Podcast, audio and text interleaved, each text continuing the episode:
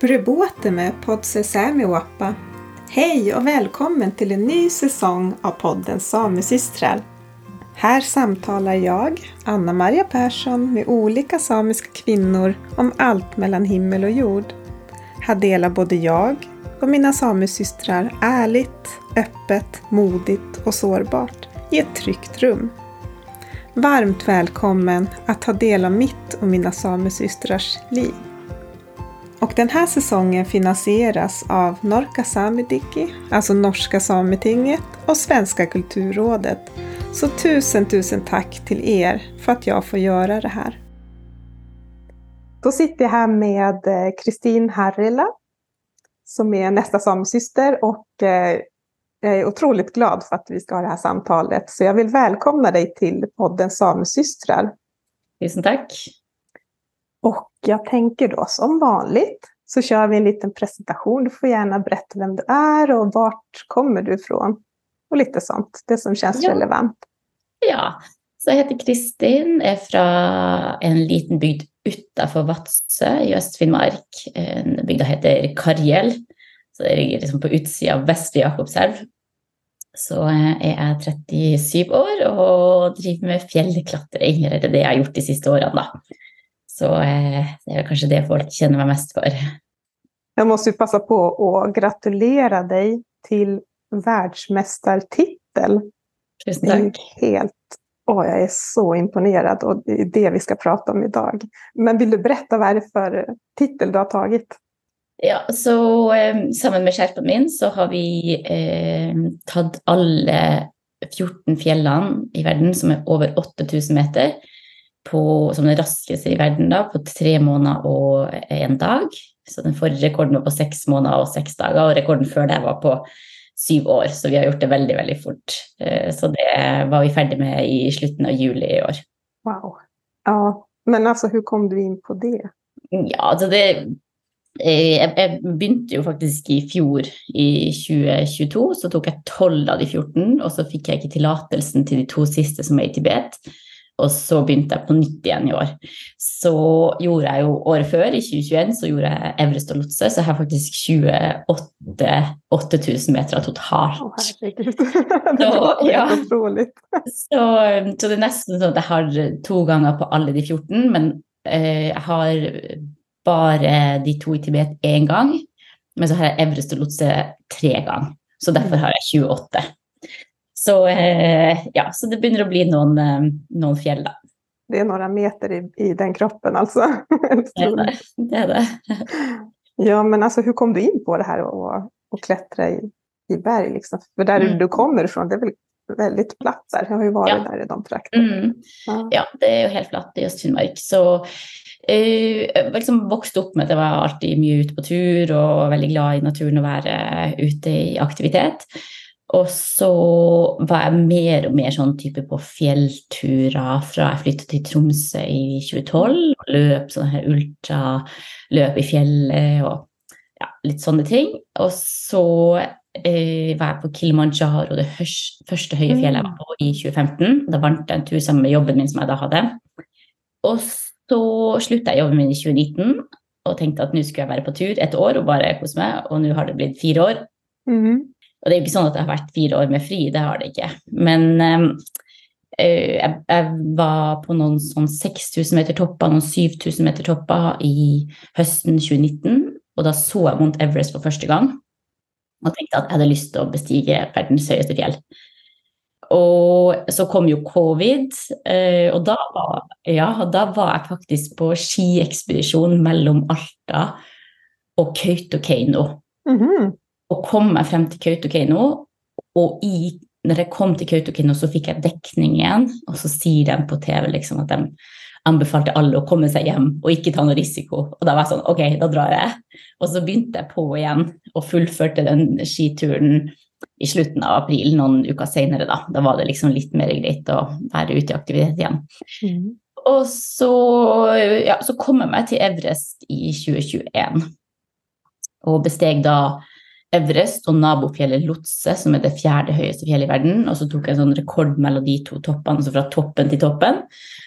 Og kom hjem til Norge og satt på karantenehotell og følte at eh, denne sporten og fjellklatringa og liksom industrien var veldig langt Mm. unna likestilt. Og da visste jeg jo at han Nimstad, han nepaleseren som hadde rekorden, hadde gjort det her i 2019 på seks måneder og seks dager. Og så tenkte jeg at den beste måten å endre noen ting på, er å vise at vi jenter er akkurat like sterke som, som guttene eh, på det her. Og det eh, så jeg liksom i vår gruppe så var vi fem av fem damer som nådde toppen på Everest, og så var det bare seks av 14 menn som klarte det samme. Just det. ja, og i vår gruppe så var det liksom opplagt at de damene som kom var veldig godt forberedt, både fysisk og mentalt, Mm. mens mannfolkene var litt sånn I can do this. Mhm. Så, altså, så hadde jeg liksom følt på en slags urettferdighet der jeg så at utstyrsleverandørene, f.eks. de produserte fjellklatringsklær bare i herrestørrelse. Og for meg er det som å si til alle jenter du kan gå på en hikingtur med fjellene for menn. Mm. Eh, og jeg så f.eks. når jeg skal ha meg dundress, altså den svære dressen som vi går med, eh, så var det ikke mulig å få tak i i noen damestørrelser. Det var bare en ekstra smålig herrestørrelse var jo altfor stor til meg. Eh, så da må jeg spesialsy en i Katmandu som passer meg. Um, så så er også at eh, utstyrsleverandørene i all hovedsak sponser menn, også de norske. Så eh, da tenkte jeg liksom ok, da må vi prøve å gjøre en endring her. Så det var det som begynte det. Hey. Ja. Ja, det er bra. Og jeg elsker det her. Jeg elsker sånne historier. ja. Men det første er jeg jo veldig glad i å være på tur og være ute i naturen og i fjellene og liksom visjon og liksom den spenninga om man når toppen og man kommer seg trygt ned og alt det her som hører med. Altså det, eh, jeg tror at Hvis jeg ikke hadde likt det, så tror jeg det hadde blitt veldig vanskelig å gjennomføre 8000 meter. jeg kan bare tenke meg. Jeg har jo bott i Tromsø själv. Och Ja. varit på lite turer där och på Kvalöja. Och Mm. eh, Mitt första minne var Skamtinden. Jag hade visst Mm. ingenting. Jag hade inte varit upp. Och det var det 900 meter eller någonting. Ja. pyttelite. Men, men just den Ja. där känslan att klättra upp där över snö. Och då kanske jag varit där själv också. Mm. Eh, Och Ja, kom upp är där och så bara titta ner så här. Bara, Ja. Det var en så svindlande känsla så Ja. att det var helt så här. Okej, jag fattar vad folk pratar om. Mm. Eh, hur var det för dig när du upptäckte det? Jeg føler ingenting i forhold til at det er veldig bratt eller høyden ned. Sånn, jeg har aldri noe sånn høydeskrekk med de tingene. Det føler jeg aldri. Eh, Men eh, når jeg var på Kilimanjaro, det første liksom, fjellet, så kjente jeg veldig godt det her at det var veldig tynn luft, altså mindre oksygen i lufta. Så det som jeg lærte da, og på de andre fjellene som jeg gjorde, så jeg jo at jeg reagerer ganske mye og ganske tidlig Mhm. i forhold til veldig mange andre på at det er mindre oksygen i lufta. Så det jeg ser er at jeg trenger lengre tid på en måte på å akklimatisere, altså tilpasse kroppen tynnere luft, kan man si. Så eh, ja, så det trenger jeg litt mer tid på. For det her er en helt ny verden for mig. Eh, Jag har fått tips om dig av en lyssnare. Bara, du måste ha med Kristin. Jag bara, Mm. Oj, vem är det? Jag har ingen aning. Ja. Och så har jag googlat och, och, och sett på bilder och videos och, och följt dig lite på sociala medier då, sen, eh, sen det vart klart att vi skulle prata. Eh, och det är så här, wow, det är en helt ny värld. Eh. Alltså vart, vart, hur planerar man en expedition? Vad behöver man tänka på? Vad kostar det? Hur Mm. räknas tiden? Alltså sådana där grejer. Mm. Um, Ja, det er utrolig, utrolig mye logistikk og planlegging i et sånt her prosjekt for å få det til. Og så egentlig, hvis du gjør bare én sånn 8000 meter topp, så er det veldig mye eh, penger og tid. Stort sett så går det jo i hvert fall to måneder på en sånn eh, tur. Mhm. Så, eh, og det er fordi at man bruker tid på å tilpasse seg tynnere luft. Mm. Så man går liksom litt opp, og så går man litt ned, og så går man litt mer opp og litt ned.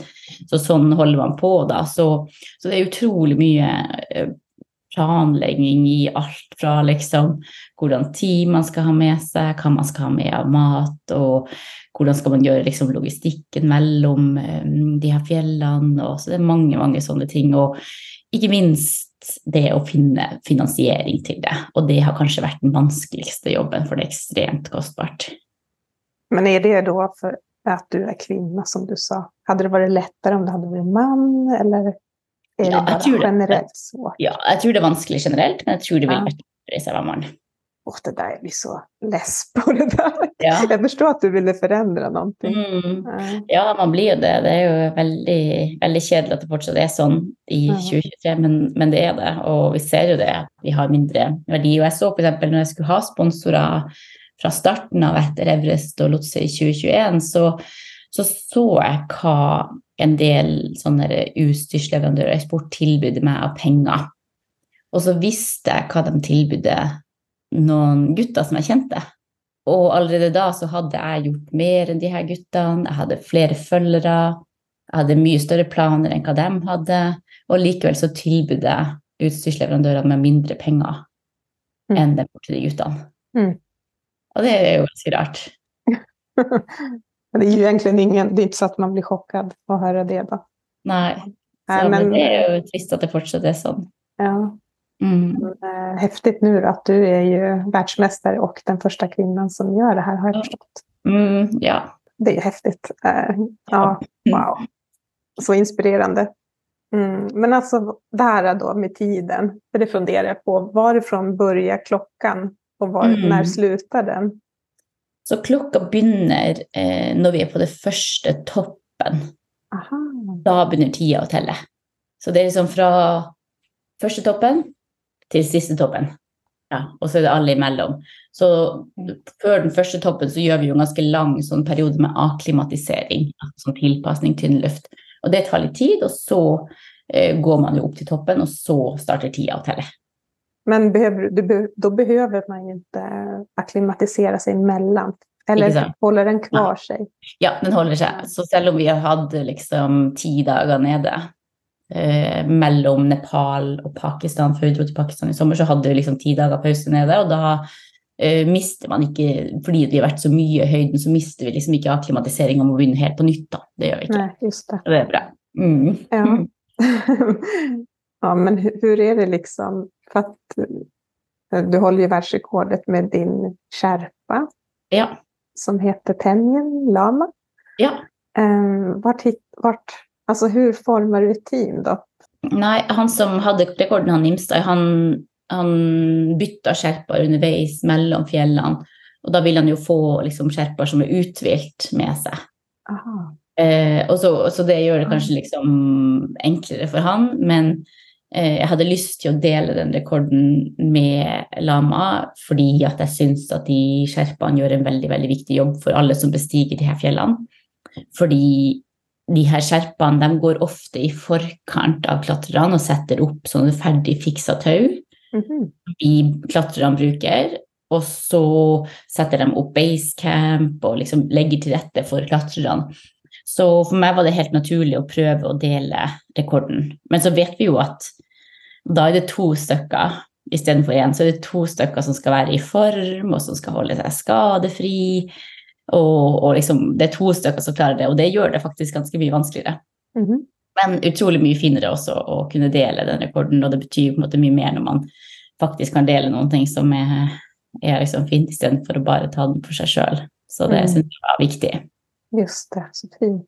Men er det liksom, det verkar som at det er som en, en ganska stor industri, eller hva skal man si, kring det her? Mm, Altså... det er det. Det er det. Kan, Nepal er et veldig veldig fattig land, og de lever i all hovedsak av jordbruk og turisme. Så det er liksom det de har inntekter fra i, i landet, er at turistene kommer og besøker fjellene. Så det er en kjempeviktig, kjempeviktig industri for dem, det er det. Og ikke bare liksom de 8000 meterne, men sånne lavere fjell og sånne trekkingturer er også ekstremt viktig.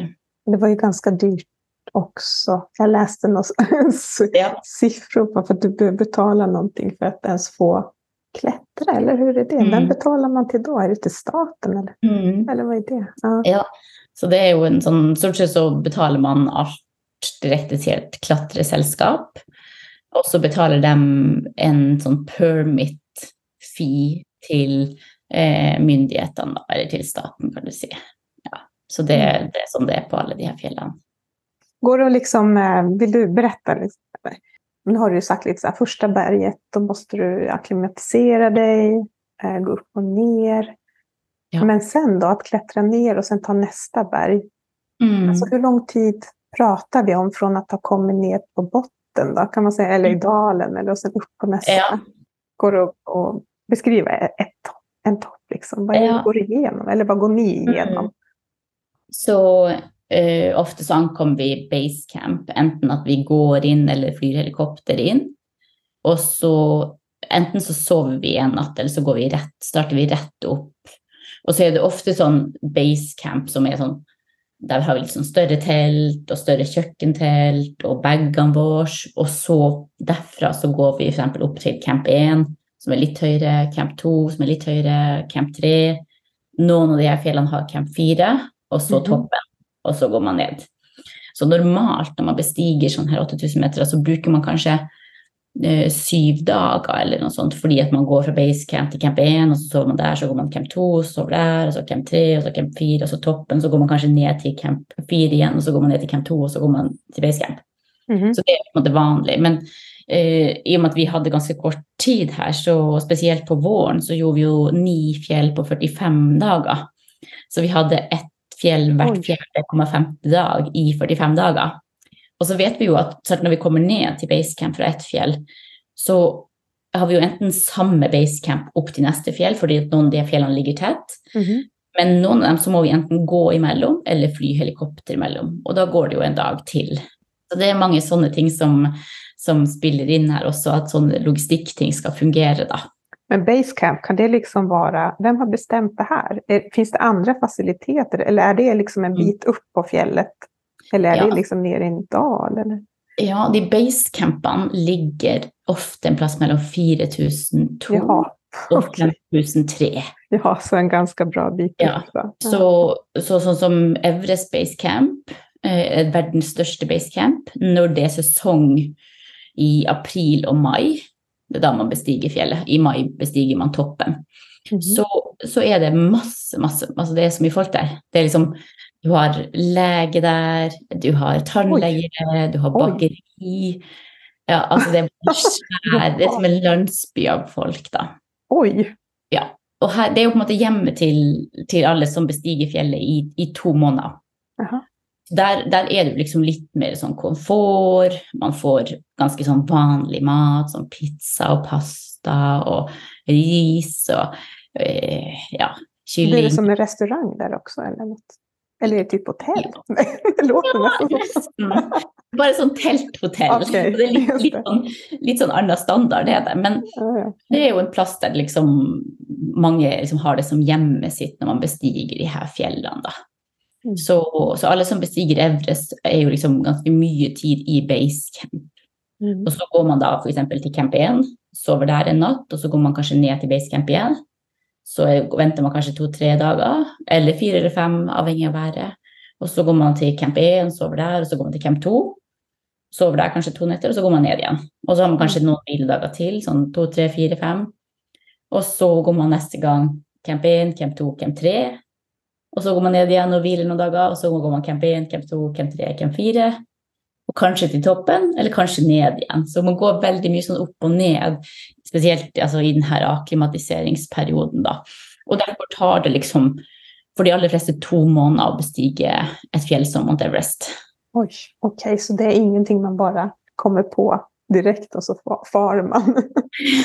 Nei, altså, man, man bør i hvert fall ikke det. Man bør um, både ha litt erfaring Ja. høyden eh, med det at det er tynn luft, hvordan reagerer kroppen på det. Mm. Og så bør man ha litt erfaring med, med klatring og utstyret og, og de tingene før man skal opp på toppen. Det burde man. Det kanskje ikke er noe nybegynnerfjell? Man kan ikke det- med Skamtinden i Troms. Klart, ja. ja, så vil jeg liksom anbefale å begynne med liksom 5000 meter topp eller 6000 meter, eller kanskje faktisk tre og fire, og så fem og seks og syv før man går på de 8000 meterne. For det er litt sånn å vite hvordan kroppen reagerer i tynn luft. da. Fordi sånn som for min del, som reagerer ganske mye med at jeg får vondt i hodet, jeg blir stiv i nakken, jeg begynner å spy, og jeg mister synet noen gang, så så, eh, så er det for meg eh, liksom ganske vanlig. Så jeg vet at når det kommer, så går det bra. Jeg bare må ta det litt med ro og drikke litt mer te og liksom ja, gå, gå litt rolig, da. Jeg tror det er kjempelurt å ha, ha erfaring med høyden. ja precis, och veta vad som sker med en. Ja. Mm. Mm. Och att går det, det går ju över, eller? Ja, i hvert fall som for min del så, så har jeg aldri vært alvorlig høydesyk.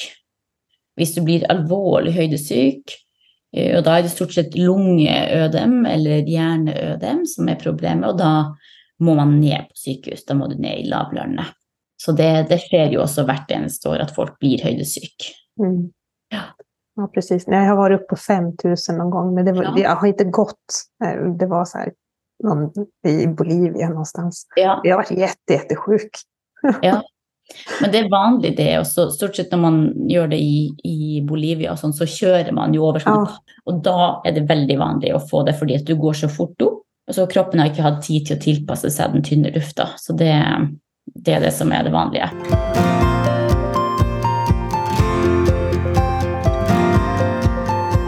Hörde i någon intervju också att det är liksom vädret som styr. Mm. Eh, också var det här med, ja men jag har läst nu då såklart, Mm. att vissa berg anses vara farligare, svårare och sådana Ja. där grejer. Men du sa att det har med Mm. em, vädret att göra. Mm. Alltså Ja. hur, hur är vädret? Eller alltså hur kan det vara? Ja, det kan jo være forferdelig, og så kan det være veldig fint. Så det kan være iskaldt og storm og veldig, veldig farlig eh, fordi at været er dårlig. Altså det eh, har så mye å si. Og så kan det være dager der det faktisk er varmt. Altså du, du føler at det er klaustrofobisk varmt å gå i dundressen, så du må ta den av og gå i bare en T-skjorte, f.eks. Så det, ja, det er all slags eh, vær. Så, men stort sett så er vi jo på snø når vi er over basecamp, så er det stort sett snø. Så det er jo eh, ofte veldig kaldt. Hva prater vi da minus? Nei, jeg tror toppene ofte ligger mellom 25 og 35, også inn i tillegg. Så, så det er liksom um, veldig mye avhengig av vinden, da. Men jeg sier at det er ingen sånn 8000 meter topp som er en sånn enkel topp. Jeg syns at alle eh, er liksom avhengig av været og forholdene. Hvor, hvor mye snø har det kommet, hvor store skredfaren Ja, sånne ting som, som avgjør hvor vanskelig fjellet blir, da. Men har det varit sådär? För nu, hade, nu startar ju du den här expeditionen då med tanke på att slå världsrekord. Alltså Mm. hur liksom... Har det, varit, har det varit stressande och har det varit dåligt väder någon gång och bara tänka men jag Mm. måste bara göra det här nu? Mm. Alltså hur gör man med riskbedömningen? Ja, det er et veldig viktig poeng, fordi at det, det er klart at vi har hatt eh, kort tid på et sånt prosjekt, vi har jo klart det veldig raskt, så det er jo ikke sånn at alle toppene har vi hatt veldig fint vær. Vi har jo hatt noen topper der vi har gått opp i, i dårlig vær, men vi har jo også klart uh, 28 topper uten noen skader og ulykker, så jeg tror en viktig årsak til det er jo at man faktisk gjør noen vurderinger. Er det bedre å vente? Er det bedre å gå ned et hakk og så gå opp? Eh, Jeg tror det er kjempeavgjørende for å være trygg og faktisk vurdere både været og forholdene i fjellet før man bestiger. Ja, precis. Har det vært noe så här? Har det vært farlig noen gang? Det må det jo ha vært. Jag har lest at det er jättefarligt. Ja, altså det er jo en risiko på alle de her fjellene, det, det vet vi. Det, det det. Og sånn som I fjor på Manaslu hadde vi veldig høy skredfare, og i år på Kåto hadde vi jo en masse skred. og sånn, så, så det er alltid sånn at det er en viss risiko å bestige de her fjellene, og det, det er man jo veldig klar over, alle som bestiger dem, at det er en risiko. Det, det er det ikke noe tvil om. Men det er det jo å gå på fjell i Norge også, så det Mm. vet vi jo. Mm. Tenkte på den der dødeligheten Mm. Som Ja. också verkar være veldig, veldig høy. Ja. Og ta med Ja. det også. Det er det jo. Og så vet vi jo at det er mye vi kan gjøre for å redusere den risikoen. da. Hva til exempel. Ja, jeg tror det å, være et veldig bra team i lag er Mm. kjempeviktig. Når man jobber godt sammen, det tror jeg er veldig viktig. Og så tror jeg det å være eh, fysisk og mentalt forberedt, kjenne til sånn type skred, eh, og skredfare, det tror jeg er kjempeviktig. Eh, og på en måte kjenne utstyret sitt og, og type sånn tau og så er sånn tekniske ting. Eh, og selvfølgelig følge, følge værvarselet er kjempeviktig. Og så tror jeg jo en annen ting for å redusere risikoen er jo å, å bruke oksygen. Eh, Sånn, eh, vi har gått med sånn maske, og så har vi sånn oksygenflaske bak, og vi vet at Mm. veldig mye av de ulykkene som skjer, er folk som går uten skjerpa. Oi, det gör, de gjør Mm. det. Okay. Ja. Og så går man uten oksygen. Og da Mhm. øker du risikoen betraktelig. Så jeg har jo også gått uten oksygen, men da har jeg lama ved siden av meg hele tida, og han har med ekstra oksygen og ekstra maske til meg, sånn at hvis jeg trenger, så får jeg det. Men det var någonstans, eller sa du det nå, Men at det var så her Och så har jag sett bilder också. Det ser ut som det är hur mycket folk som helst. Och Mm. alla går så der, Man går på rad och väntar. Ja. Eh, Mm. Det känns ju också så. Alltså jag är ju uppvuxen i fjäll och men inga sådana här berg. Men, men just den här eh, respekten för snö. Mm. Ja, jag är helt fascinerad. Hur, jag hade Mm. aldrig tordats. Det är väl det liksom. Men just det, i mitt huvud så blir det så här. Men om det går så mycket folk Ja. och alla trampar i samma spår. Ja. måste ju öka risken för skred. Ja, alltså vi, vi vet det at skred er ofte utløst av mennesker. Det Mm. vet vi. Eh, og det var litt vurderinger som vi gjorde på Manaslu i fjor høst, der vi visste at det var veldig, veldig høy skredfare. Og vi visste at uka etterpå, altså en uke etter at vi gikk opp, så kom det til å være et nytt værvindu, altså bra nok vær til å gå til toppen. Og da kom alle til å ville gå opp. Så vi lå i camp 3, og alle bestemmer seg, 400 klatrere og sherpaer bestemmer seg for å gå ned til base camp og vente på neste runde, og vi bestemte oss for å gå opp. Og, og litt av grunnen var jo at vi visste at folk ofte utløser skred. Og da Mm. var tanken vår at ok, det er tryggere å gå opp uh, uten så mye folk. Men hvorfor valgte de å gå ned? Var det dårlig Nei, fordi at de tenkte at det var, at det var høy skredfare. Okej. Ja, alle Mm. tänkte det da. Alle tenkte det samme. Og det er litt sånn typisk ting i sånn her, fordi at man, det er mange folk der, og så følger man egentlig andre istedenfor å tenke Aha. sjøl. Så det, det er jo ikke noe sånt at jeg har noe problem at det er mye folk. Jeg skjønner at det er mange som vil bestige Mount Everest. Mm. Eh, Det har jeg full forståelse for. Det er verdens eh, høyeste fjell. Så, så jeg skjønner, skjønner det veldig godt at det er veldig mange som, som vil det. Men eh, stort sett så opplever jeg at det ikke er noe problem med de køene. Eh, det er mye snakk om det i media. Og så syns jeg liksom at når det oppstår køer, så tar folk hensyn til hverandre, og folk lar andre slippe forbi og uh, ja, sånne ting. Så, så stort sett så syns jeg det går veldig bra. Mm.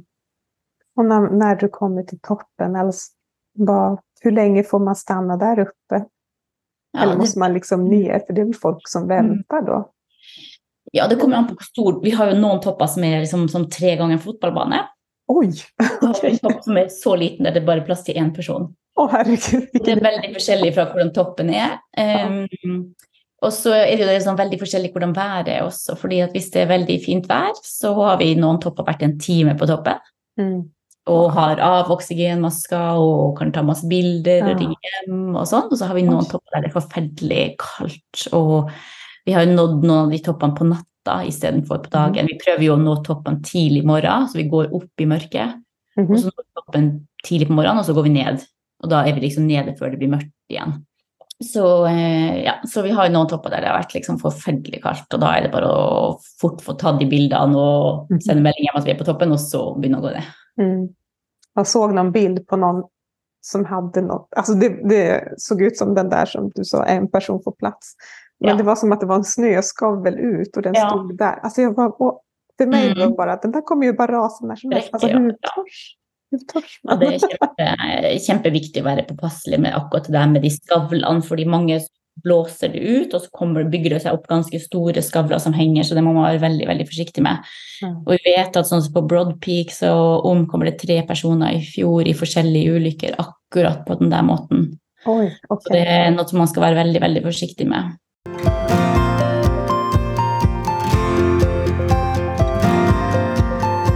Men det känns som att du är orädd och um, väldigt målinriktad. Hur, hur, Ja. alltså, vart kommer den drivkraften ifrån? Bara Ja. köra på.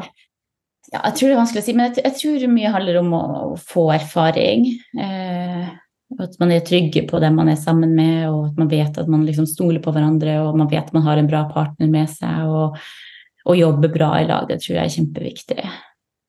Ja, men ändå eh, just det här att ja, men jag måste göra någonting annat, sluta jobbet, Mm, att bara bestämma sig för, ja. för det här. Liksom. Mm. Mm. Ja. det är väldigt inspirerande. det kanske sitter lyssnare och, och, eller kanske till och med jag, jag hade en tanke så här, ja, men, för att det var något, någon podd jag lyssnade på med någon äventyrare och jag bara, men alltså hur, hur, gör, hur gör jag det här? Jag måste upp på Kilimanjaro. Det, det var så här. Ja. Men det är inte så att jag har gjort någonting med de tankarna. Det kom en pandemi och grejer. Och, och, ja, ja, ja. Men det kanske inte heller är Kilimanjaro är ett fint fjell å starte med hvis man har lyst til å prøve seg i høyden. Så syns jeg det er en veldig fin fjell å starte med. Og så er det en veldig fin tur, så jeg vil anbefale å dra til Kilimanjaro. Ja. Just det. Det är bara att hitta pengar, tid och... Eh, ja, det är akkurat det. Det är det. Det, är det. Ja, men hur var det? För det är ungefär två månader sedan som ja. Eh, du kom tillbaka till Norge då. Ja. Eh, och har slagit, ni har slagit det här världsrekordet. Och vi mm. skulle ju spela in podd då. Ja. Det var lite uppståndelse kring dig och hela den här ja. grejen. Ja. Jag skulle gärna vilja belysa det lite grann. Vill du, vill du berätta ja. bara vad som hände? Ja, så vi hadde jo en, en veldig tragisk ulykke på K2, det siste fjellet. Og så vet vi jo at K2 er et ekstremt farlig fjell. Det er, hvis man ser på statistikken, så er det ca. én av fire som omkommer. Så det er, ja, det er et veldig farlig fjell. Eh, og så eh, Det som skjer, er at det er en, en som ikke er i vårt team, som, som omkommer der. Um, og vi prøver å redde han, og flere andre prøver å redde han. Og det er en person som aldri skulle vært på fjellet. For vi vet i dag at han jobber som porter for et selskap, altså bærer. Mm -hmm. Og normalt så jobber han eh, ikke høyere enn basecamp. Mm -hmm. Så vet ikke jeg hvordan det har foregått at han har fått lov til å gå opp, men han har i hvert fall fått lov til å gå opp og har ikke erfaringer han har ikke liksom, kunnskap til å bruke utstyret sitt, og ikke dundress og ikke oksygen. Og så havner han i en ulykke der og, og omkommer. Og selvfølgelig, først og fremst er det en tragisk ulykke for han sjøl og for familien. Um, og så uh, blir det da retta søkelys mot uh, spesielt mot meg, da, sannsynligvis fordi at jeg er den mest profilerte på fjellet. og Ehm, kommer det masse påstander om at eh, vi prøvde ikke å redde han, vi gikk over han for å nå rekorden, og ingen prøvde å redde han fordi han var en pakistansk porter. Mm. Og så vet jo vi som var der, at det var ikke det som skjedde. Vi, vi, prøvde å redde han, og mange mm. andre prøvde, og mange risikerte livet sitt i natta for å prøve å redde han. Så, ehm, så det, det, vet vi. Eh, og så ser vi jo at Eh, noen har andre intensjoner med å spre falske nyheter og spre mm. hat og, og trusler i sosiale medier. Og ja, det er jo overhodet ikke greit. Ja, jeg var inne og leste kommentarer, og det var jo fruktansvært Uff. Ja. Og jeg tenker også at um, vi ser jo det der i sosiale medier, det er veldig enkelt å sitte og, og ha mm. åsikter og, og trykke vei mm. ord og allting så. Og det mm. var virkelig et ett drev, Um, opplever jeg hatdrev og det var mm. oerhört eh, obehagligt klimat på, mm. sociala medier. Men alltså hur... Ja, ja jeg syns jo det viser et, et eh, annet problem liksom, i verden, at man kan sitte bak en skjerm og skrive hva som helst uten at det får noen konsekvenser. Liksom. Det, det syns ikke jeg er greit i det hele tatt, og det syns jeg viser en, en annen utfordring som vi har i, i verden i dag. Mm. Mm. mm. Men hvordan takler du hele den grejen? Ja, nei, jeg har jo heldigvis et veldig bra team rundt meg som hjelper meg med, med de tingene. Både liksom hvordan skal vi håndtere det, og, og mm. vi har måttet forholde oss til en rekke falske beskyldninger som har kommet i media, og media som skriver feile ting. og, og så, Selvfølgelig har det vært veldig kjedelig at jeg har tatt mesteparten av tida mi siden jeg kom mm. hjem. Men vi har liksom ikke hatt så mye valg heller enn at vi, vi må bare håndtere det. Og for meg har det vært viktig at vi er, er åpen og ærlig om hva som skjedde den dagen. Ja, men Det kjennes som at det kanskje er litt okunnskap ute også? Ja da, det, det, det, vet vi at det er. Og så syns jeg det er veldig spesielt at noen uh, har til hensikter å spre feil informasjon. Det er veldig, veldig spesielt. Ja. Nei, usch. Jeg var vært väldigt så här, tagen av hela den grejen mm. också. Mm. Um, kände att också att det, be, det behöver lugna ner sig lite grann, för det vart väldigt, väldigt ganska Ja, ja heldigvis. Ja, ja precis. Ja. Mm.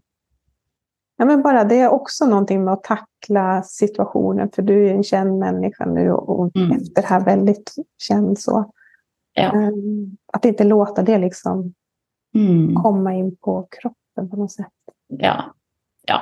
Men alltså det, det gjør det jo. Alltså når folk kommer med Spesielt når folk lyver om eh, meg og prosjektet og, andre, og liksom dem som har vært i teamet vårt, så, så bryr jeg meg og jeg blir eh, liksom irritert og tenker at eh, jeg må ut og fortelle hva som er sant. Liksom. Så, Mm. ja, så jeg tror man skal huske det. At det, det er mennesker Selv om man er profilerte mennesker, så er det mennesker, det også. Mm, precis. Och det er vel det som folk har glemt i dag. Det finnes Ja. en Og, Ja. Ja. Mm, jeg har også lært også det at vi eh, synes det er veldig eh, skremmende at vi ikke kan stole på det som blir skrevet i media. Det, Ja. mm, det er noe vi har lært gjennom denne tida. At det, eh, jeg tror sånn som media er i dag, så betyr det mer å få raske klikk enn å faktisk komme frem med den rette historien. ja, precis. Eksakt. og det er ganske spesielt. Ja. Men ehm, ja, i og med at jeg har då läst lite kommentarer så kommer det, det dyker opp kritikk kritik mot hele denne bransjen också. Mm. Det er ganske mye om, ja kan det være klimatpåverkan eller Mm. Mm. Ja. ja, Mm. Hva tenker du kring det? Og fusk også. Mm. Ja. Det er fusk i dag. Men jeg tenker den som utferder og ger et, et verds... alltså, världstiteln Mm. till någon måste ju Ja. ha regler att förhålla sig till. Så ja. Det kan ju inte någon, något nättroll sitta och säga att det där är Mm. fusk. Liksom. Vi vet ju Mm. ingenting, vi som inte är insatta i den här Nei. världen. Nei, jeg tenker at det er viktig at man er åpen og ærlig. Og for, for, for min del personlig så tenker jeg liksom la folk bestige de her fjellene på den måten de vil. Jeg syns ikke man skal drive og blande seg borti om noen vil gå med ti skjerper og ti flasker oksygen, eller om noen vil gjøre det på den eller den måten. Liksom la folk klatre på sin måte, så lenge man er åpen og ærlig om hva man gjør, og at man ikke er til skade for noen andre. Og så vet vi jo at eh, det å bestige de her fjellene eh, ofte innebærer bruk av helikopter, og eh, ja, det er en del søppel på fjellene og sånn. Og jeg tror at så lenge fjellene er der, så kommer folk til å bestige dem. Og vi vet også at det er ekstremt viktig for de her landene, sånn som Nepal, som lever av turismen. Mm. Så jeg tror at i fremtida så må vi bare finne bedre måter å bestige fjellene på. Og det er jeg helt sikker på at vi kommer til å finne. Alle de her menneskene som da dessverre dør, og det er ganske mange, som du sier, Mm. Altså, kommer de ned? For det var jo også noe at det virker som en Mm. apparat liksom faktisk får ned ner folk. Ja, altså det er veldig forskjellig ettersom hvor de dør. Han som dør på K2 når vi er der nå, så er det ikke mulig å bære han ned. Det er veldig veldig risikabelt å gjøre det, og det går ikke helikopter opp dit. Eh, så han dør jo i bottleneck, så der er det ikke mulig å, å bære. Hvis man, noen som omkommer lenger ned, eller f.eks. på Everest, der det er betydelig mye lettere å, å bære noe ned, så, så gjør man det noen ganger, og noen ganger så lar man folk ligge. Og det er ganske vanlig, det er også spesielt høyere opp på fjellet. Det kjennes veldig spesielt. Er Är det så at Mm. man går liksom forbi? Ja, noen ganger så gjør man det. Det er ganske vanlig at vi ser folk som ligger omkomne rundt på fjellene. Det kjennes verkligen Mm. som en Ja. annen värld. ja, det er jo det. Og så er det jo liksom en, en påminnelse om at det ikke er ufarlig, det som vi driver på med. Ja. Mm. Har du kjent noen gang at att så nej, men nu går det til helskotta her? Eh, nei, jeg har ikke det. Jeg har liksom ikke vært, vært redd, da. Vi vet jo at vi har vært i, i situasjoner, sånn som den ulykka på Kåto, så står jo vi kanskje på den farligste plassen av alle de fjellene i noen timer for å prøve å redde han. Så vi vet jo alle som er der, at vi, jo lenger det står, jo mer risikerer vi livene våre også. Men akkurat der og da så, så er ikke jeg liksom redd eller noe sånt. Da tenker jeg vi må bare gjøre det vi kan for å prøve å redde han. da.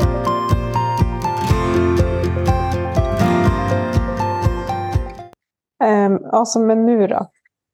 Vad finns det liksom mer efter, efter det här? Finns det någonting som är större enligt dig? Eller blir det så andra mål? Det blir andre mål. Eh, og det er sånn For min del så, så har jo liksom det viktigste med det her har jo vært å vise at vi jenter er like sterke, og liksom prøve å endre noen ting i forhold til at det skal bli mer likestilt. Og det er jo et sånt prosjekt som fortsetter, fordi jeg tror ikke vi kommer i mål med det. Jeg tror vi må kontinuerlig jobbe med at det skal bli mer likestilt i sport og, og idrett også i Norge. Og så skal vi også jobbe med litt andre prosjekter eh, fremover i forhold til at eh, vi må gjøre eh, fjellene tryggere, og vi må gjøre eh, liksom det å bestige dem mer bærekraftig over tid. Mm. Så, eh, så, det driver vi og jobber med, da. Ja, ja. heftig. Så det... Ja, ja altså det, det, er gøy. Og vi driver med masse nye prosjekter, så det er veldig spennende. Ja, okay. Du har fulgt opp. Ja, ja, ja. Mm. Det, men det er veldig gøy, og ja, mm. det er veldig, veldig givende. Eh, har du noen ting som du kjenner at det her vil jeg si til samiske kvinner kanskje som lytter? Eh, ja, jeg tror um, Eller kvinner i stort. Mm, ja, jeg tror, uh, jeg tror det er en, en, fordel å være en samisk kvinne i det som jeg har gjort nå. liksom, uh, vi vet jo at veldig mange um, Eh, at vi har veldig mange sterke samiske kvinner og en sånn sterk tradisjon og, og, over tid. Og hvis jeg ser liksom tilbake på min bestemor f.eks. og hvordan de levde, og jeg tror mye da, for å klare å gjennomføre sånne her prosjekt, er å liksom være komfortabel med å ha det veldig ukomfortabelt over veldig lang tid.